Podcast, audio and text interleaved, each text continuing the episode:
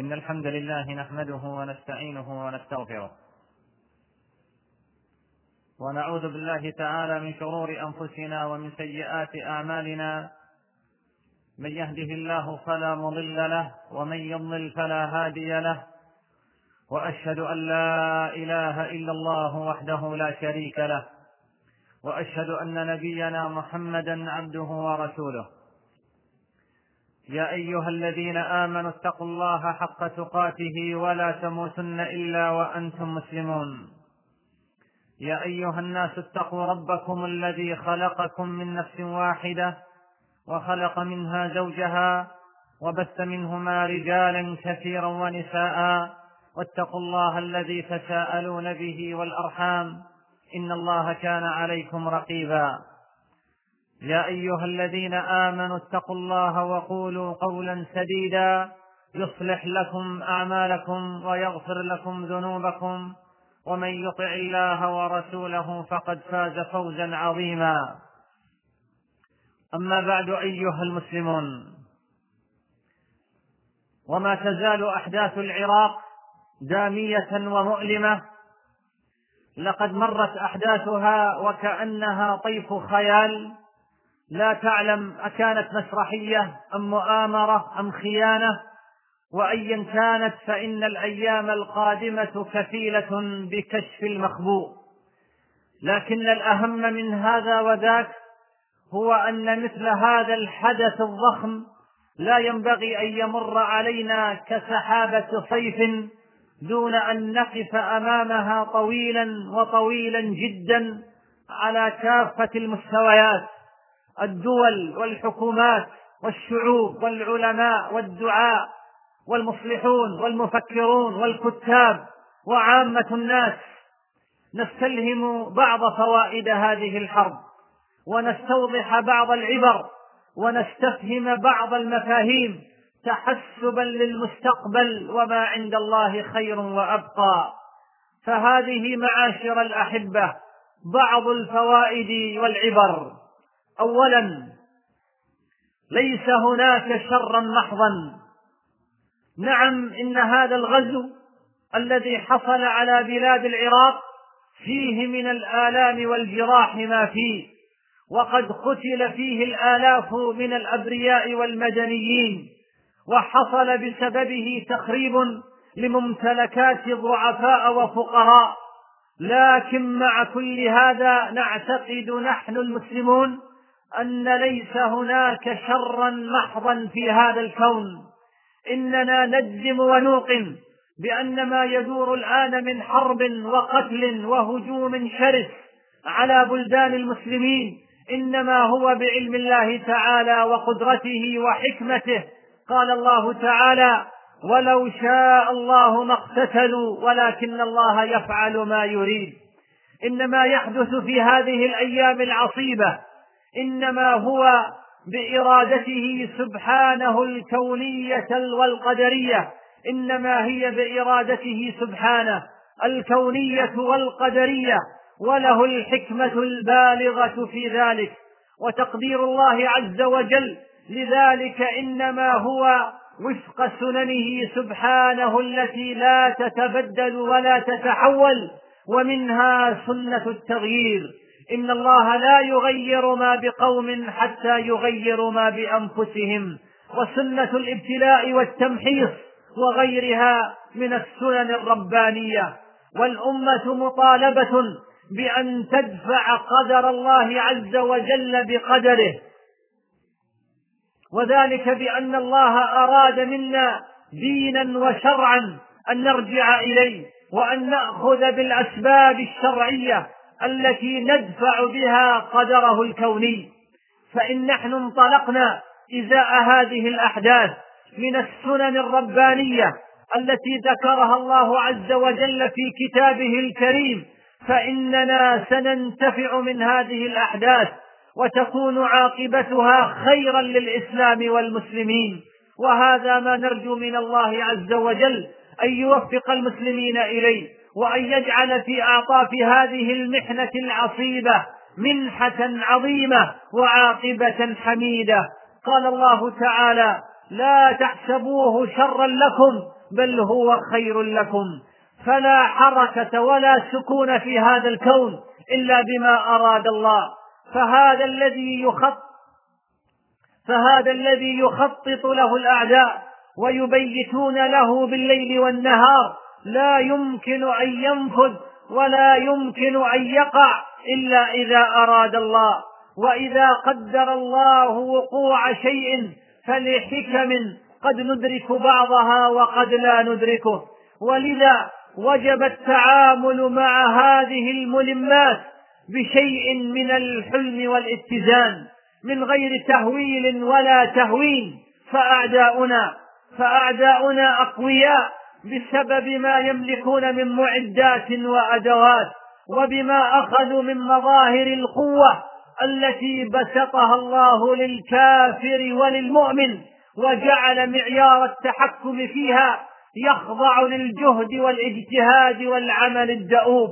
لكن إرادة الله عز وجل أقوى وأعظم مهما خططوا وأعدوا وأحكموا وأنهم إذا كانوا يتصورون بأنهم سيحققون كل ما يطمحون إليه بجرة قلم أو بإطلاق حمم القذائف والصواريخ والقنابل فإنه يجب علينا أن نوقن بأنه قل لن يصيبنا إلا ما كتب الله لنا وبأن ما أصابك لم يكن ليخطئك وما أخطأك لم يكن ليصيبك واعلم أن الأمة لو اجتمعوا على أن ينفعوك لم ينفعوك إلا بشيء قد كتبه الله لك.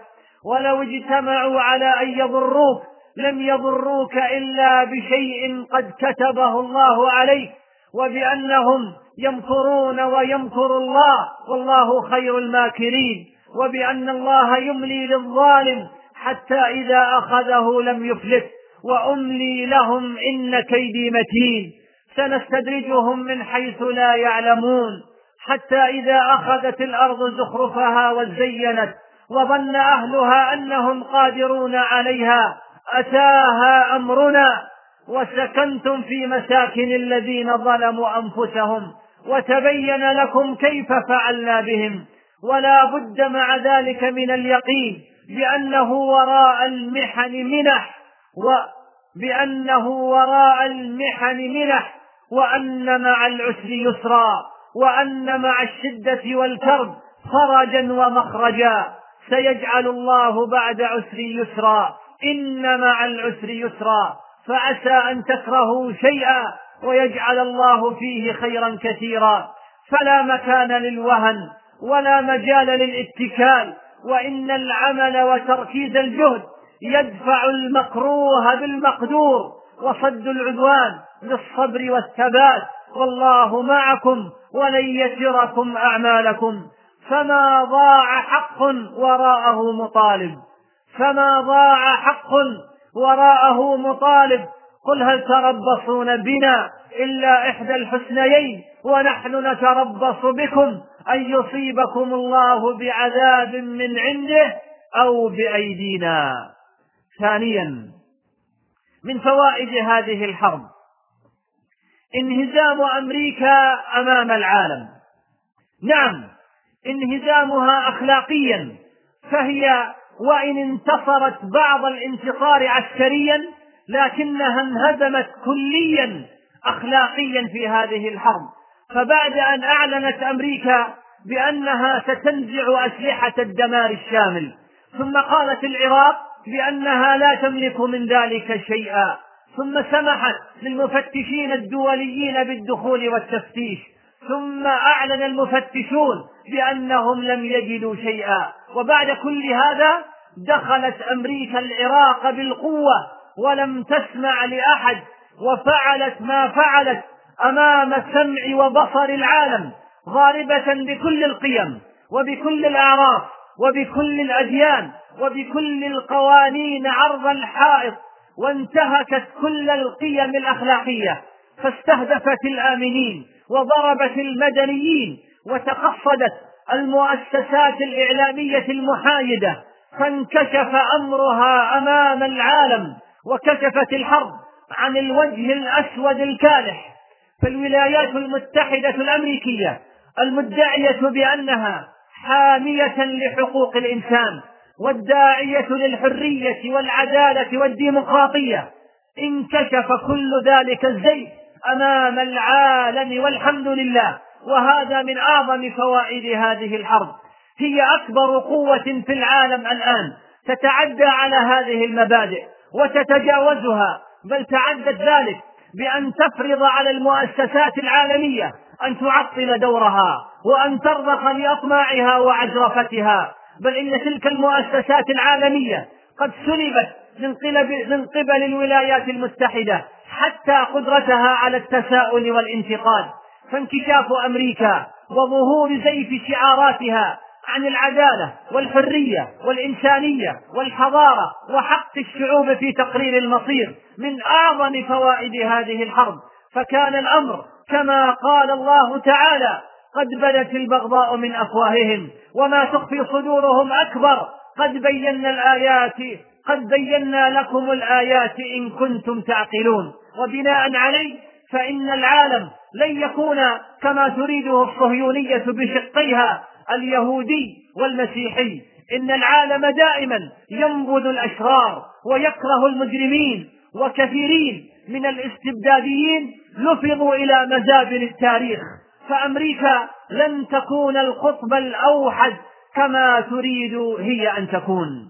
ثالثا أيضا من فوائد هذه الحرب نريد أن نعرف الآن ما هو موقف العلمانيين في العالم الإسلامي من دولتهم التي طالما تحدثوا عن ديمقراطيتها وطالما طنطنوا وطالما طنطنوا وتحدثوا عن حريتها وعدالتها وطالما كتبوا حتى أزكموا أنوفنا بكتابات ومقالات تشيد بالحضارة الغربية عموما وبحضارة أمريكا خصوصا ويطالبون أن تحذو جميع الدول العربية والإسلامية وغيرها حذو أولئك. فلا ندري هل سيستمرون على إعجابهم وتقديرهم لهم بعدما انكشف حقيقة ديمقراطيتها وحريتها وعدالتها أم سيستحون بعض الوقت؟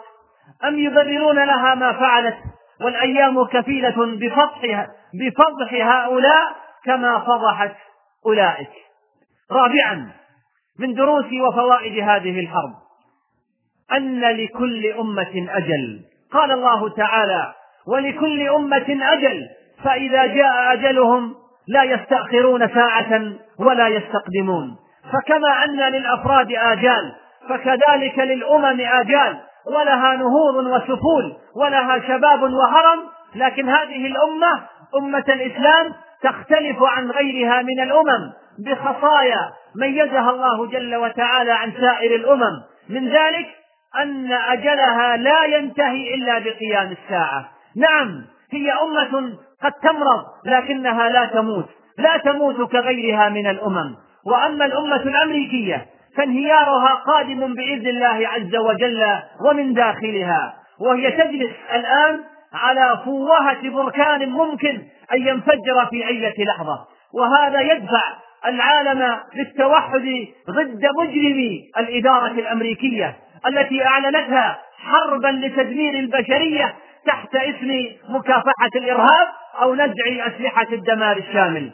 ولو أضفنا إلى هذا زيادة انتشار ثقافة الجريمة وثقافة المخدرات وثقافة الجنس وثقافة الشواذ كل هذا قد انتشر بأرقام فلكية في أمريكا. ومعلوم أن المجتمعات التي تحتوي على مثل هذه الثقافات لا يمكن أن تستمر كما لا يمكن لها أبدا أن تسود العالم ومصيرها إلى الهاوية. وبناء على ذلك لا يمكن لأمريكا أن تكون شرطيا أو مصرفة لشؤون العالم كما لا يمكن لها أخلاقيا وأدبيا وثقافيا ودينيا أن تتهم أحدا أو منظمة أو دولة بالإرهاب لأنها أصبحت هي الآن بلد بلد الإرهاب الأعظم ومصدر الإرهاب العالمي وداعمة لأكبر دولة إرهابية في العالم وهي ما تسمى بإسرائيل. وانكشاف هذا الأمر من أعظم فوائد هذه الحرب. فأبشروا فأبشروا فإن الله عز وجل ناصر دينه لا محالة. والمستقبل للإسلام فلا يرهبنكم الغرب الكافر بقيادة أمريكا الطاغية. فإنها في بلاء أشد من البلاء الذي يتعرض له المسلمون. هل تعلمون ما هو هذا البلاء؟ إنه الكفر والظلم الذي يمارسونه. ثم إنه الآن ثم إنهم الآن يعيشون في سنة الإملاء والإمهال من الله عز وجل والتي يعقبها المحق والتدمير لأن الله عز وجل لا يمكن أن يجعل الظالم يظلم إلى ما لا نهاية. هذا لا يمكن أبدا بل إن له نهاية محتومة في علم الله عز وجل. يدفعه الله سبحانه وتعالى إليها دفعا بإمهاله والإملاء له حتى يزداد غطرسة وظلما وإثما.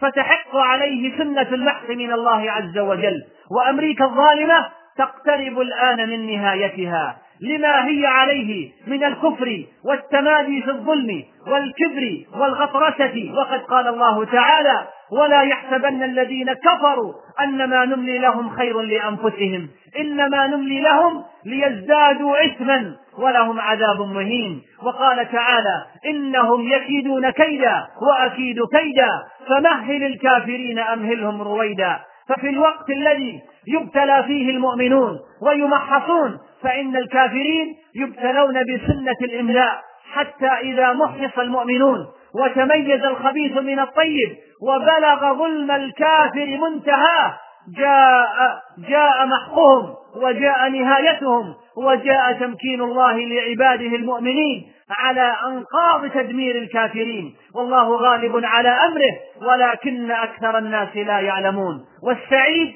من ثبته الله عز وجل أيام المحن وخرج منها معافا طيبا وشرفه الله عز وجل بأن يكون من الطائفة الناجية المنصورة ومن حزبه المصلحين. لقد ظلم معاشر الأحبة لقد ظلم حزب البعث شعبه وجيرانه اي ظلم وقتل وفعل الأفاعيل. فأمهله الله عز وجل برهه من الزمن لكن لم يمهل فأخذهم بظالم آخر وهي أمريكا. فشتت أمرهم وأصبحوا كما رأيتم أثرا بعد عين. وأمريكا ظلمها أشد وأعظم وأقسى من ظلم حزب البعث. وجرائمها في العالم لا يقاس بجرائم حزب البعث. وبحسب سنة الله عز وجل فإن أخذها سيكون أشد وتدميرها سيكون أقسى وأعظم. والله يمهل ولا يهمل.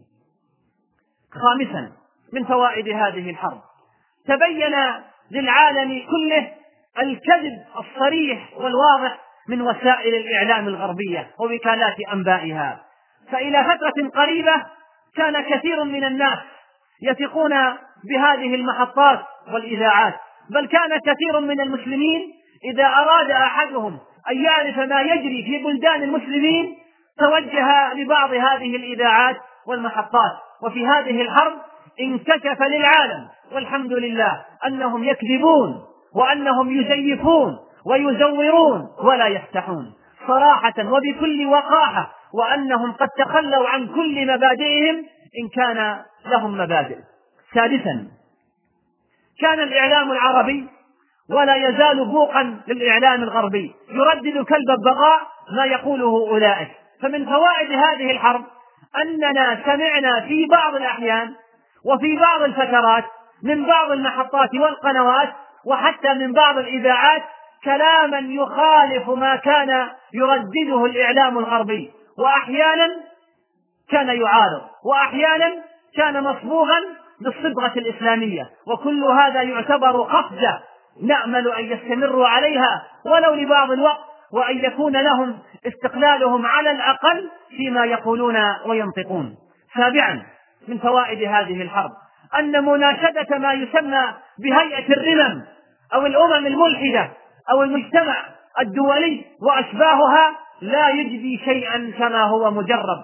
وما أشبه من المناشدة بالاستغاثة بالغريق أو السجين وقد شنع سلفنا الصالح على من هرع إلى القبور وقت الأزمات مستغيثا بهم قائلين لهم هؤلاء الذين تستغيثون بهم لو كانوا معكم في القتال لانهزموا. إن الله جل جلاله إذا اشتكى إليه المخلوق وأنزل حاجته به واستغفره من ذنبه أيده وقواه وهداه وسد فاقته وأغناه وأحبه واصطفاه والمخلوق إذا أنزل العبد به حاجته استذله وازدراه ثم أعرض عنه فخسر الدنيا والآخرة. فيا ليت قومي يعلمون. ثامنا من دروس هذه الحرب قول الله تعالى ما كان الله ليذر المؤمنين على ما أنتم عليه حتى يميز الخبيث من الطيب وما كان الله ليطلعكم على الغيب وعندما ننزل هذه الآية على هذه النازلة التي حلت بديار المسلمين يمكننا القول بأن الذين يواجهون لهيب هذه الحرب من المسلمين داخل العراق أو من هم في خارجه من المسلمين كلهم يعيشون الآن في أتون الابتلاء والتمحيص حيث أن مجتمعات المسلمين سواء في داخل العراق أو في خارجه تعيش مفاسد عظيمة. وعظيمة جدا وخليطا من الأفكار والمواقف والانتماءات الفكرية والكفرية. ففيهم المؤمن الصادق وفيهم الطاغوت الخائن وفيهم المنافق وفيهم العميل وفيهم ضعيف الإيمان وفيهم المتعلق بهذا المبدأ أو ذاك وفيهم دعاة الإصلاح وفيهم دعاة الفساد.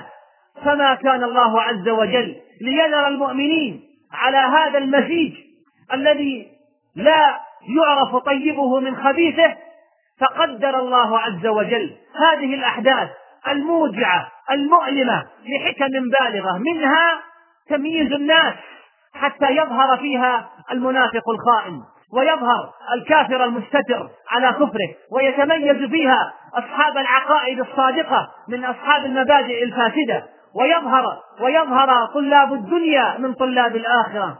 وقد بدت والحمد لله بوادر هذا التمييز من الآن فكيف الحال في نهايته؟ وقد تكلم أناس كنا نحسن بهم الظن وإذا بهم يخالفون كثيرا من الثوابت والأصول التي كانوا هم يدعون إليها قبل فترة بسيطة.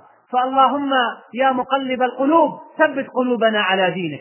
إن نصر الله عز وجل وتمكينه لأوليائه ومحقه لأعدائه لا يتم ولا يمكن أن يتم إلا بعد هذا الفرض وبعد هذا التمحيص كما يمحص الذهب المختلط بالأتربة والشوائب بحرقه وتمحيصه في النار فيخرج شبرا أحمرا نقيا.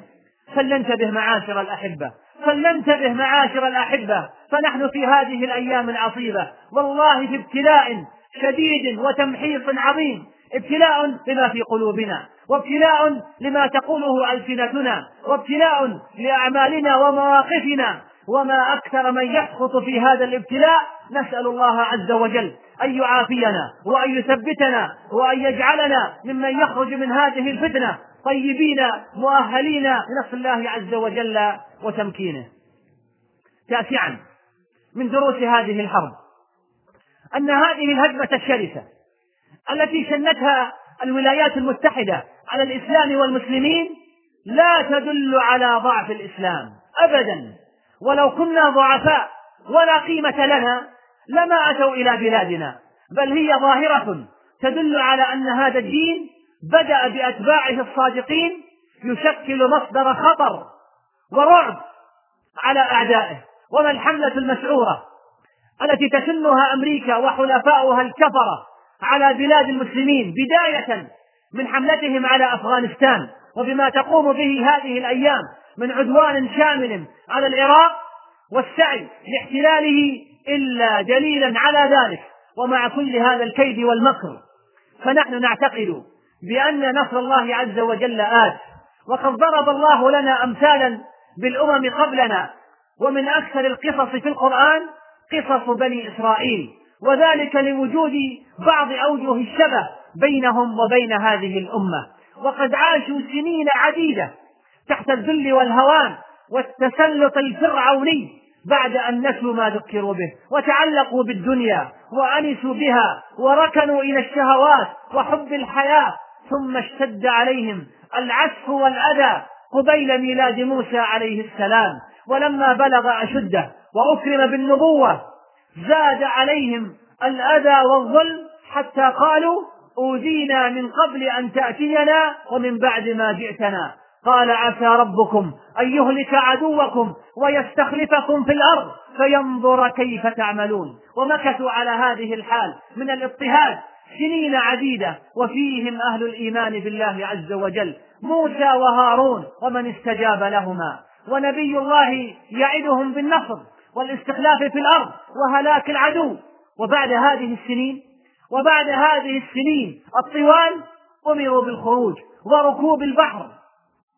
فخرجوا من الذلة والهوان وأورثنا القوم الذين كانوا يستضعفون مشارق الأرض ومغاربها التي باركنا فيها. وتمت كلمة ربك الحسنى على بني إسرائيل بما صبروا بما صبروا ودمرنا ما كان يصنع فرعون وقومه وما كانوا يعرشون. وفي هذا دليل على أن نصر الله آت وزمانه مقبل ولكنه لا يحسب بحساب أعمالنا القصيرة ولا يقاس وفق قياسات زمنية قريبة. خلق الإنسان من عجل سأريكم آياتي فلا تستعجلون. فيجب أن نوقن بأن عاقبة هذه الحرب الصليبية الجديدة ستكون للإسلام. لقد جرب الأوروبيون مرتين وفشلوا في القضاء على هذا الدين ولم يستطيعوا الاستمرار طويلا في احتلال العالم الإسلامي. ونحن موقنون بأن هجومهم هذه المرة سينتهي لكن بعد سلسلة من الحروب والكوارث والقتل والآلام والأوجاع. لقد علمنا القرآن والسنة قد بينت لنا بأن الصراع الأبدي المستمر حتى نهاية العالم هو بين الإسلام من جهة وبين اليهودية والنصرانية من جهة أخرى وأنه مستمر حتى تسقط في النهاية إحدى الجبهتين. وقد أخبرنا نبينا عليه الصلاة والسلام بأن نهاية هذا الصراع ستكون بانتصار المسلمين وظهور الإسلام على الدين كله والقضاء على اليهود وكسر الصليب. لكن لكن معاشر الأحبة ينبغي ألا نغتر بهذه البشائر الواردة في السنة وألا نتكل عليها ونتواكل بسببها. فقد لا نكون نحن هذا الجيل المقصودين بها. وينبغي ألا نزكي أنفسنا. فقد نبتلى بتسليط العدو علينا حسب ذنوبنا وحالنا وحال قلوبنا وحال قياداتنا. وقد نكون نحن وقود المعركة والتي سيجني ثمار النصر غيرنا. مسلمون آخرون يوفون بشروط النصر وقد نشهد نحن أيضا بشائر النصر وبوادره بعد ابتلاء شديد وحوادث جسام ولله الأمر من قبل ومن بعد.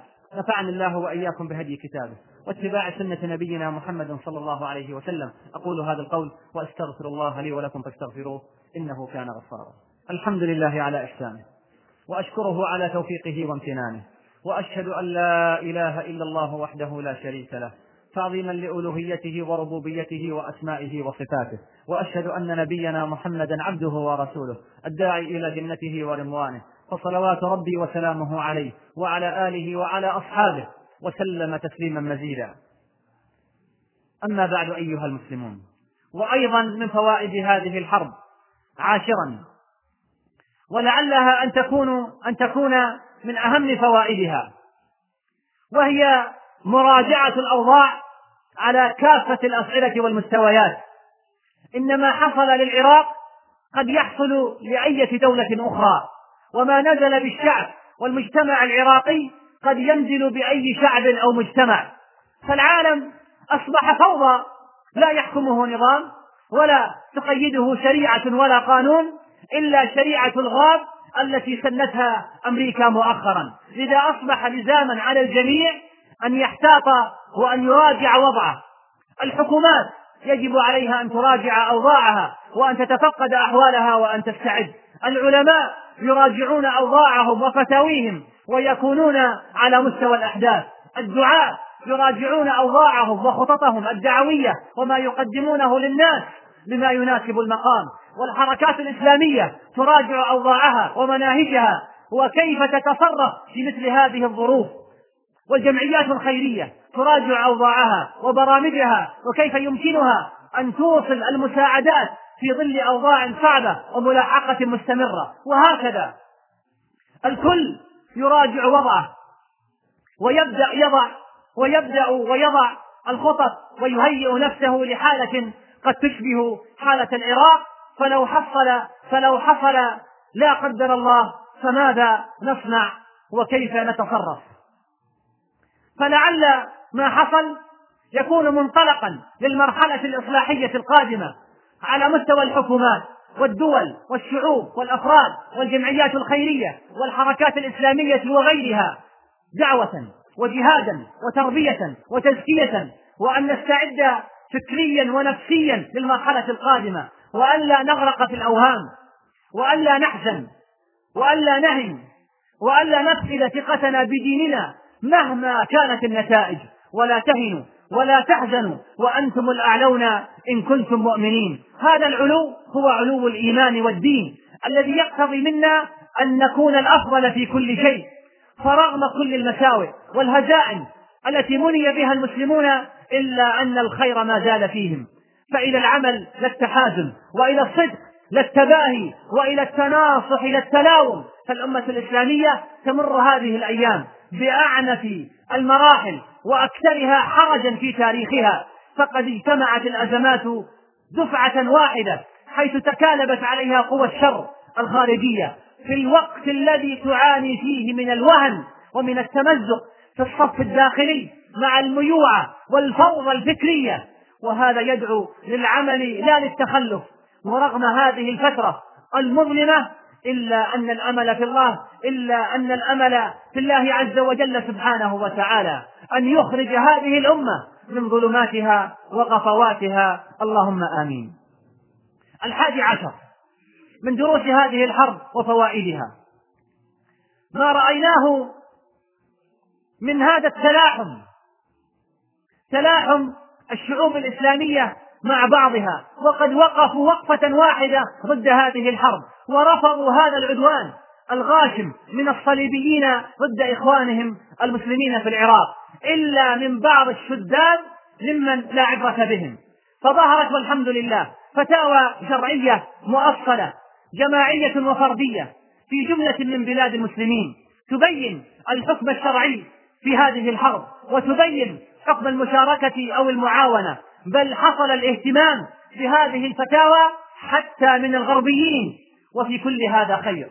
وصار في هذا الحدث فرصة للكثيرين من الخطباء والدعاء أن يتحدثوا في قضايا مهمة جدا وأن يوضحوا للناس مفاهيم أساسية وأن يربط بهذا الحدث كمفهوم نصرة هذا الدين. وتولي المؤمنين الذي هي فرض عين على كل مسلم وقضية الولاء والبراء. والقنوت والدعاء والجهاد في سبيل الله وغيرها وغيرها من القضايا والمفاهيم وأدرك الكثيرون أن الأمة تعيش حالة الحرب الشاملة والتي يجب عليها أن تكون أبعد الناس عن اللهو والترف والمباريات وأن تصرف جهودها وطاقتها للتقرب إلى الله عز وجل ورجاء ما عنده. وحصل أيضا بسبب هذه الحرب نوع من الوعي لدى الأفراد والشعوب والدول ولم ينخدعوا باللعبة الأمريكية وأنها قد جاءت من أجل تحرير العراق لأنها قد شاهدت بأعينها كيف أن الإدارة الأمريكية تركت بعض ضعاف النفوس يمارسون السلب والنهب في العراق وكان بإمكانهم أن يمنعوا ذلك وإلا فما تفسير أنهم قد حافظوا وحموا آبار النفط ولم يحافظوا على بقية مرافق الدولة. وقد صرح فرعون أمريكا بأن آبار النفط العراقي ستكون وديعة عند الولايات المتحدة لحساب الشعب العراقي. فأعاد هذا الكذب إلى ذاكرتنا تلك القصة التي مفادها أن الأسد استعان بالذئب والثعلب في يوم صيد فصادوا جملا وغزالا وأرنبا. فضحك الثعلب وقال بفضول قد جاءت النسبة قدرية واضحة التناسب فالجمل لمولانا الملك والغزال للذئب والأرنب لي. فلطمه الأسد وأسال دمه على وجهه والتفت إلى الذئب يستشيره فقال الذئب بل الجمل تأكله الآن أيها الملك وأحب لك أن تتلهى عصرا بين الوقتين بالأرنب ثم يكون عشاؤك الغزال فإنه أخف على المعدة عند النوم. فابتسم الأسد وقال هذه هي الحكمة بعينها. من أين تعلمتها؟ قال لقد رأيتها في الكتاب الذي كتب بالمداد الأحمر يعني وجه الثعلب الدامي. فوديعتنا لدى فرعون أمريكا لن تقسم إلا كذلك. ودروس أمريكا لشعب الأرض لشعوب الأرض هي الكتاب البليغ الفصيح الأحمر وستسيطر على العراقيين أحزاب نعم وآلام نعم نتيجة سعة التدمير وكثرة القتلى وجريان الدماء. والأمريكي المنتصر سيتصرف بزهو وخيلاء وتكبر ويتبجح علانية وستدون مكتبة واسعة من كتب سطرت بالمداد الأحمر. التهديدي لكل البشرية وليس كتابا واحدا والله المستعان. كان الخليج خليجا كله عرب واليوم أضحى خليطا ما له نسب. ما كنت أحسب يوما من جزيرتنا أن العلوج على أرض أن العلوج على أعراضنا تثب ماذا التحالف ضد الأهل تنعته؟ ماذا النكوص يسمى أيها العرب لو في الجنود من المليار من رجل لما ترأس من للغرب ينتسب. فقد توطن في مليارنا وهن وقد تكشفت الأستار والحجب. خمسون عاما بنا الحادي وقافلة تمشي بغير هدى. في الليل تحتطب إن قلت طنجة أو نجد بها خلل. ففي العراق كما في مصرنا عطب وإن نظرت إلى الجولان تلحظه. تبكي الكرامة والأردن ينتحب لولا بغزة والأقصى بنا فئة تلقى العدو كآساد وتنتدب. رباه عفوك إن الهم يعصف بي والقلب تثقله الأوصاب والنوب. أتيت بابك يا مولاي أطرقه ومن سواك يرجى عنده الطلب. أعد بعونك للإسلام عزته فللخلافة بات الكل يرتقب. اللهم أعز الإسلام وانصر المسلمين. اللهم أعز الإسلام وانصر المسلمين. اللهم أعز الإسلام وانصر المسلمين. وأذل وأذل الشرك والمشركين والمنافقين. ودمر أعداءك أعداء الدين. اللهم منزل الكتاب ومجري السحاب وهازم الأحزاب. اللهم اهزم جيوش الكفر الغازية. اللهم اهزم جيوش الكفر الغازية. اللهم اهزم جيوش الكفر الغازية. اللهم اشد وطأتك على كفرة أهل الكتاب. اللهم اشد وطأتك على كفرة أهل الكتاب. اللهم دمرهم تدميرا. اللهم اكفناهم بما شئت. اللهم مزقهم تمزيقا. اللهم عليك بقوات أمريكا. اللهم عليك بقوات أمريكا. رأس الكفر والإلحاد. وعليك بحلفائها. اللهم عليك برؤوس الكفر وأعوانهم. اللهم اقذف الرعب في قلوبهم. اللهم خالف بين قلوبهم. اللهم اجعلهم وما يملكون غنيمة للإسلام والمسلمين. اللهم انصر عبادك المجاهدين المستضعفين في مشارق الأرض ومغاربها.